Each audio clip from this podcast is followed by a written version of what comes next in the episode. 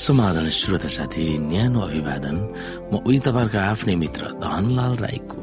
श्रोता आज म तपाईँको बीचमा बाइबल सन्देश लिएर आएको छु। आजको बाइबल सन्देशको शीर्षक रहेको छ अत्यन्तै कठिन र अत्यात्यायी पीडामा यसो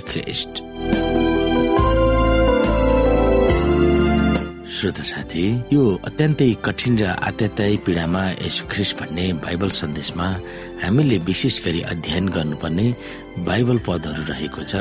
लुका दुई अध्यायको सात पद बाइस अध्यायको चौबिस पद मत्ती दुई अध्यायको एकदेखि अठार पद योना आठ अध्यायको अन्ठाउन्न र उन्साठी पद लुका बाइस अध्यायको एकचालिसदेखि चौवालिस पद मत्ती सत्ताइस अध्यायको एकाउन्न र बाहन्न पद रोमी छ अध्यायको तेइस र तितस एक अध्यायको दुई पद। र यस अध्यायमा हामीले सम्झनु पर्ने पद अथवा मेमोरी गर्नुपर्ने बाइबल भर्स रहेको छ मत्ती सत्ताइस अध्यायको छ्यालिस पद। यहाँ भनेको छ तीन बजेतिर यसो यसो भनेर ठुलो स्वरले कराउनु भयो इलो इले लामा सबक कथनी अर्थात् हे मेरा परमेश्वर हे मेरा परमेश्वर तपाईँले मलाई किन त्याग्नु भयो श्रोता जब हामीलाई दुःख कष्ट सतावट पीडाको विषय हाम्रो दिमागमा आउँछ प्राय जसो यो प्रश्न उठ्दछ। पाप र दुःख कष्ट आदि कसरी उत्पन्न भए? बाइबलबाट हामीलाई तिनीहरूको उपयुक्त जवाब छ। तिनीहरू उत्पन्न भए किनभने आत्मनिर्णय गर्न वा स्व विवेकको प्रयोग गर्न स्वतन्त्रता उपलब्ध गराइएका मानव प्राणीले त्यसको दुरुपयोग गरे। हाम्रो परमप्रभु यस्तो हुनुहुन्छ कि उहाँले दिनुभएको व्यक्तिगत अधिकारलाई सदुपयोग वा दुरुपयोग गर्न मानिस स्वतन्त्र छ र उसको अनुमति बिना उहाँले उसलाई उसकै भलाइ हुन हस्तक्षेप गर्नुहुन्न। तर यसले फेरि अर्को प्रश्न खडा गराउँछ।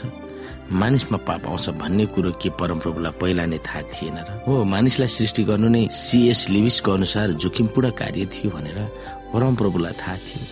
तर त्यो जोखिम किम्मती वा दामी थियो। दामी वा किम्मती जोखिम कसको लागि? हाम्रो लागि जब परमप्रभु स्वर्गको सिंहासनमा बसिरहनुहुन्छ ठ्याक्कै त्यो त होइन। सबै बौद्धिक प्राणीहरूलाई दिइएको आत्मनिर्णयको स्वतन्त्रतामा परमप्रभुको निर्णय यस्तो पवित्र थियो कि उहाँ आफैले दुःख कष्टको मार सहन राजी हुनुभयो। जुन स्वतन्त्रताको हाम्रो दुरुपयोगले ल्याएको थियो यो दुःख कष्ट र पीडा यसुको जीवन र मृत्युले हामीलाई देखाएको छ। हाम्रो मानव शरीर धारण गरेर पाउनु भएको उहाँको कष्टले स्वर्ग र पृथ्वीको बीचमा यस्तो सम्बन्ध जोड्नु भयो कि त्यो अनन्तकालसम्म रहिरहनेछ। हाम्रो निम्ति यसुले के कष्ट वा दुःख पाउनु भयो? उहाँको त्यो कष्टबाट हामीले के सिक्न सक्छौँ?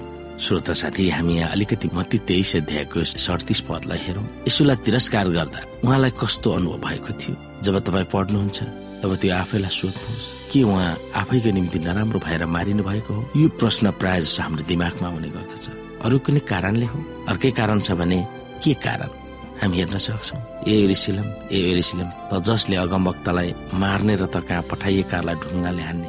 जसरी कुखुरीले आफ्ना चल्लाहरूलाई पखेटा मुनि बटुल्छ त्यसरी नै मैले धेरैपल्ट तेरा बालकहरूलाई बटुल्ने इच्छा गरे तर तैले मानिनस्। मानिसहरूको तिरस्कार हेपा र दबाउने प्रविधि हामी सबैले अनुभव गरेका छौँ। हुनसक्छ हामी निस्वार्थी भएकोले यसुको जस्तै पीडा होला तर मानिसहरूलाई उद्धार गर्न आउँदा तिनीहरूले उहाँलाई कस्तो व्यवहार गर्नेछ सो उहाँलाई अघिबाटै पुरा थाहा थियो।